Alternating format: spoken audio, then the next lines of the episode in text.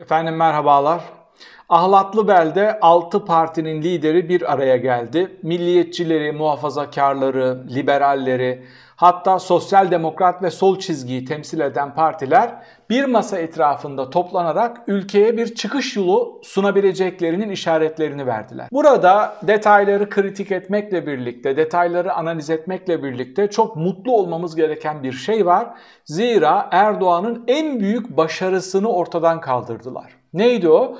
Muhalefet cephesinde yani kendisi dışında e, pastanın %50'lik kısmını kaplayan bu kitleyi bir araya gelemez hale getirebiliyordu Erdoğan. O, oluşturduğu toplumsal çatışmalarla, kırılmalarla bunu başarabiliyordu ya da orada güçlü olma ihtimali olan adamları tek tek transfer ederek bunu yapabiliyordu. Şimdi şunu gördük. Erdoğan artık kendisi dışında kalan kitlelere etki edebilecek, manipüle edebilecek, bazı toplumsal çatışmalarla birlikte onları tekrar kendi tarafına çekebilecek hamleler yapamıyor. Bunu gördüğü için ne yaptı? Bunu gördüğü için küçük küçük küçük partiler kurdurmaya başladı. Muhalefet içine onları serpiştirip onların yeşermesini büyümesini ve Cumhurbaşkanlığı seçiminde belki de ona destek vereceklerini açıklamasını hayal ediyordu. Bu projede tutmadı. Kurdurduğu küçük partiler netice alamadı. Bırakın onun kurdurduklarını gerçek kurulmuş olan muhalif partiler bile küçük kaldı. Çok fazla netice elde edemediler İyi Parti haricinde. Peki bu tabloda bundan sonra nereye odaklanacağız? Bundan sonra hepimizin bundan sonraki analizlerde odaklanacağımız iki tane adres var. Birincisi tartışmasız HDP ve Kürtlerin hangi adaya oy verecekleri istikametinde. Aslında burası aşağı yukarı biraz da muhalefeti o rahatlatıyor. Çantada keklik gibi. Erdoğan'ın Kürtlere karşı yaptığı hamlelerden o kadar Kürtler nefret eder, tepki verir, mesafe koyar hale geldiler ki öncelikleri Kürt sorunu değil, öncelikleri demokrasinin ve hukukun işlediği bir Türkiye olduğunu Kürtlerde deklare etmeye veya o sinyalleri vermeye başladılar. Peki ikinci odak nokta ne? İkinci odak nokta kararsızlar. Kararsız kitle için bundan sonra her ay önüme gelecek olan analizleri sizlerle paylaşmaya çalışacağım. Ama en önemli sorumuz şu olacak. Birkaç tane önemli soru var aslında. Birincisi bu kararsızlar üstünde yapılan detaylı analizler nasıl okunmalı? Burada ilk bakmamız gereken şey şu. Kararsızlar nereden kopmuş? Hangi sahiplerle şu anda kararsızlar ve hangi istikamete gitme eğilimleri var? Daha sonra genel olarak şuna bakmamız gerekiyor. Po gerekiyor. Potansiyel olarak bu kararsızlar kendilerini hangi ittifaka daha yakın görüyorlar? Onun ötesinde ise muhalefet bu kitleleri kendilerine doğru çekebilmek için hangi hamleleri yapmalı? Tüm bu soruları ve çok daha fazlasını özetliyorum.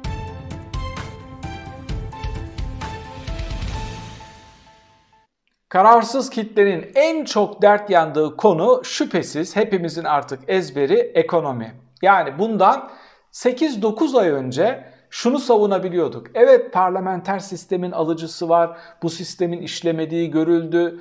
Birazcık elitist, birazcık teorilere dayalı bir yorumdu bu. Artık öyle değil. Artık ekonomi tekrar birinci konuma yükseldi. O kadar derin bir işsizlik, o kadar derin bir geçim sıkıntısı var ki enerji fiyatları ile alakalı size bazı algı ölçümlerini de biraz sonra paylaşacağım. Tüm oyun bunun üstüne kurgulanması gerekiyor.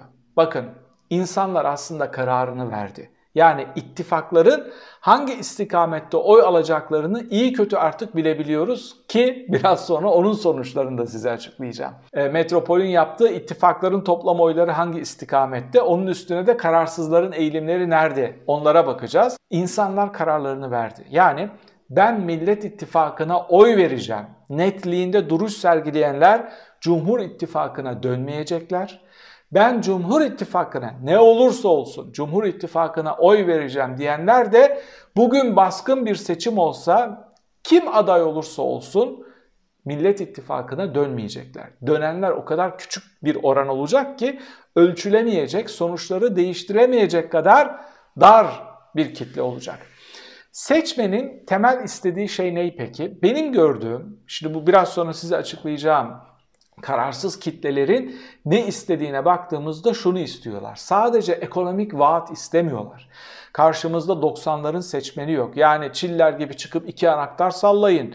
Ben size iki anahtar vereceğim. Eviniz ve işte arabanız olacak değil. Buraları Türkiye geçti. Burada seçmenin istediği şey şu. Ne yapılacak? İkinci soru şu. Kim yapacak? Kararsız kitleyi ikna edebilmeniz için sadece doğru Cumhurbaşkanı adayını göstermeniz de yetmiyor. Neden? Doğru Cumhurbaşkanı adayı diye ön plana çıkan 3 isim Mansur Yavaş, Ekrem İmamoğlu ve tartışılan isim Kemal Kılıçdaroğlu'nun üçünün de ekonomi bilgisi çok zayıf, üçünün de ekonomi yönetim tecrübesi oldukça düşük. Evet Kemal Kılıçdaroğlu hesap uzmanı, bürokratlığı var ama makro ekonomi dediğiniz şeyler farklı bir alan. Şimdi bu üçüne de baktığınız zaman evet bazı adaylar ön plana çıkıyor. Heyecan verici konuma gelebiliyorlar ama bunların ekonomik aktörlerle desteklenmesi gerekiyor. Aslında bu ekonomik aktörler Millet İttifakı içinde var.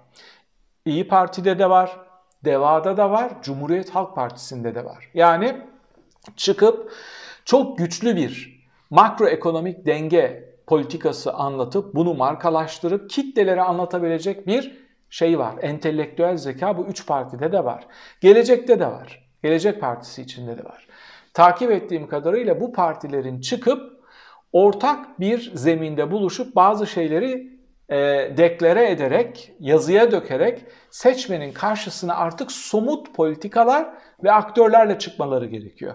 Yani o kadar değerli insanlar var ki bu partilerde çıkıp ekonomiyi anlatsalar, halkın anlayacağı dilden, işte bir tünelin ucundaki ışığı gösterebilecek söylemler geliştirseler bu kararsız kitlelerdeki kopuşları çok daha ciddi bir şekilde hızlandırabilecekler. Bundan sonra işte o 28 Şubat'ta açıklanacak olan e, güçlendirilmiş parlamenter sistemi anlatırken sürekli iki şeye vurgu yapılması gerekiyor. Bir, bununla birlikte biz ekonomiyi düzeltebiliriz.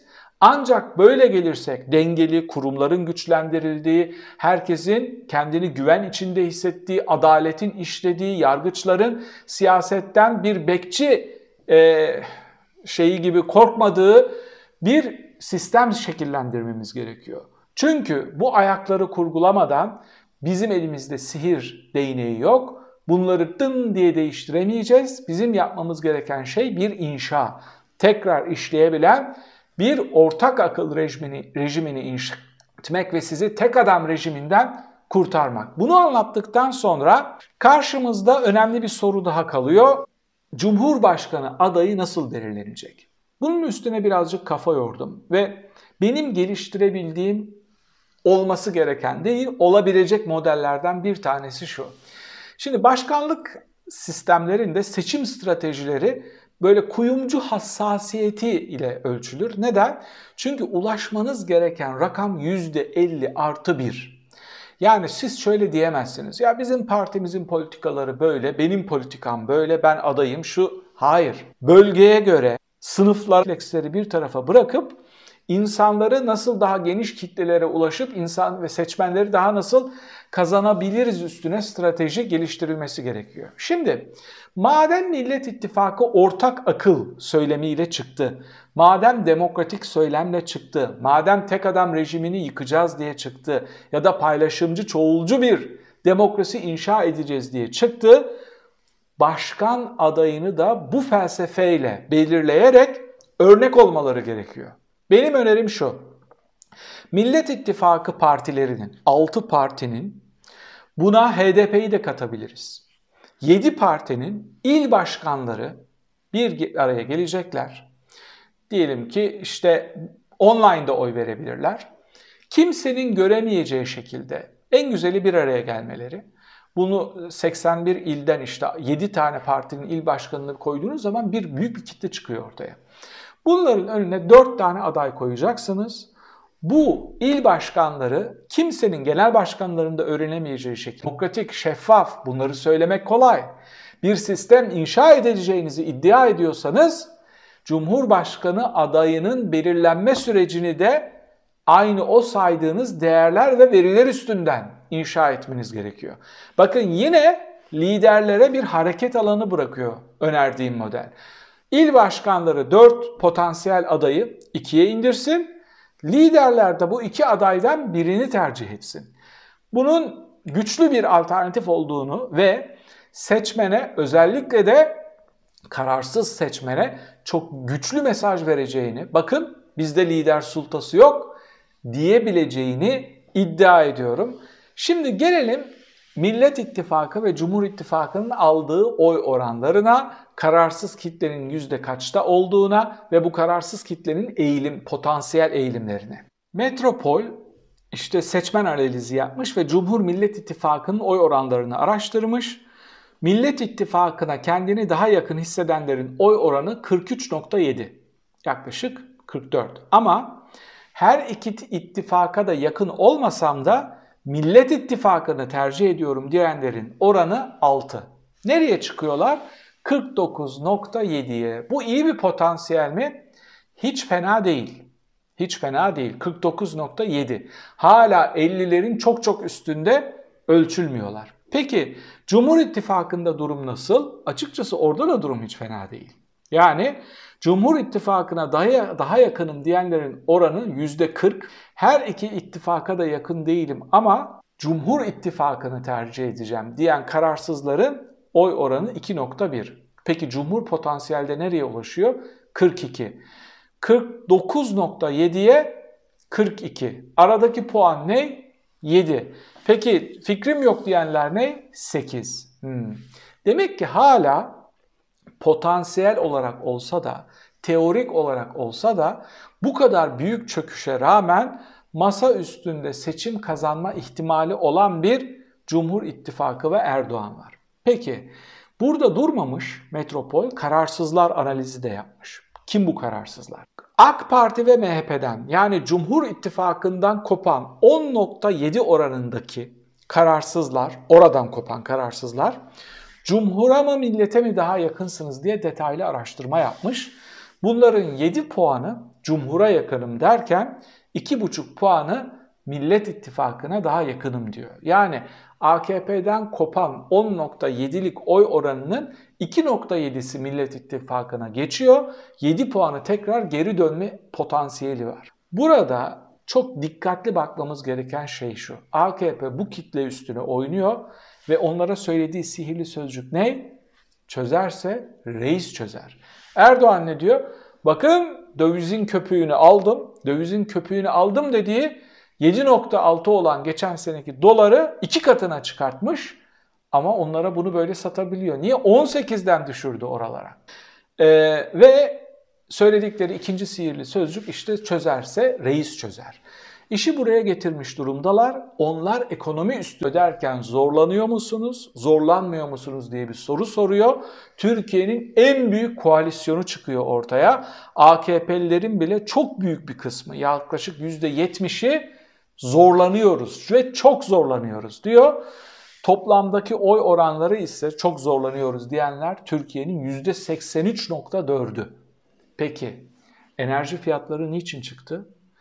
Erdoğan'ın naslarla, nuslarla kendi teorileriyle izah etmeye çalıştığı ve işte o marjinal, kabul edilmiş, heterodoks ekonomik politikaların teorilerin tam karşısında olan söylemleriyle döviz kurunun bir senede %100 artmasıyla oldu. Neden? Çünkü Türkiye'de enerjide dışa bağımlı, %70-80 oranında dışa bağımlı bir ülke. Ta enerjiyi dövizle satın alıyor Dövizin fiyatı bu kadar arttığı için enerji fiyatları katlanmış durumda. Bunu muhalefet yani Millet İttifakı şöyle anlatması gerekiyor. Bakın akılsız bir yönetimden dolayı faturalarınız ikiye katlandı. Sadece makroekonomiyi doğru düzgün yönetemedikleri için, doğru kararları doğru zamanda alamadıkları için 160 milyar doları işte akılsızca harcayıp netice alamadıkları için çuvalladılar. Muhalefet lafı döndürüp dolaştırıp işte bu ekonomik dengelerle, ekonomik verilerle izah etmesi gerekiyor. Bugünkü sorum şu. Bir öneride bulundum. Cumhur, e, Cumhurbaşkanı adayını belirleyebilmek için ortaya koyduğu felsefe gereğince şeffaf, demokratik, çoğulcu, katılımcı demokrasi felsefe gereğince Millet İttifakı da bu aday belirleme sürecini bu felsefeye uygun olarak yapıp seçmene çok güçlü bir sinyal vermesi gerekiyor. İl başkanları bir araya gelsin, 6 partinin mümkünse 7. parti HDP'nin de aynı şekilde istişaresi sorulabilir. En azından 6 partinin il başkanları bir araya gelsin. Potansiyel olarak bu 4 adaydan önlerine 4 aday koyulsun. Hangisine oy verirsiniz diye sorulsun. Orada ön plana çıkan ilk iki aday liderlerin önüne gelsin. Liderler de bu iki adayı bire indirsin. Siz bu öneriyi mantıklı buluyor musunuz? Ve Millet İttifakı'nın sempati kazanacağına, kitlelere güven vereceğine dair bir umudunuz olur mu böyle yapılırsa? Bunu yorum köşesinde tartışabiliriz. Bir sonraki videoda tekrar birlikte olmak üzere efendim. Hoşçakalın.